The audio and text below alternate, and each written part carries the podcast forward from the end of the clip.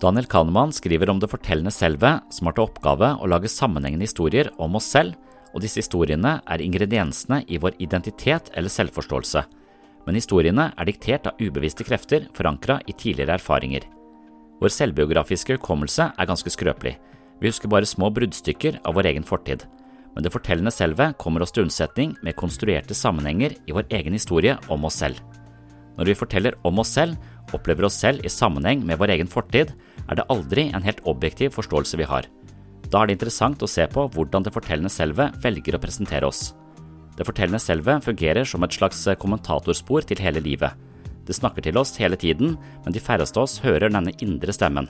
Likevel påvirker det oss og styrer våre tanker, følelser og handlinger på bakgrunn av en mer overordna idé om hvem vi er. Problemet er at det fortellende selve ikke alltid snakker helt sant, men kan lyve til oss om hvem vi er. Det kan du høre mer om i episode 207 på min podkast Sinnssyn.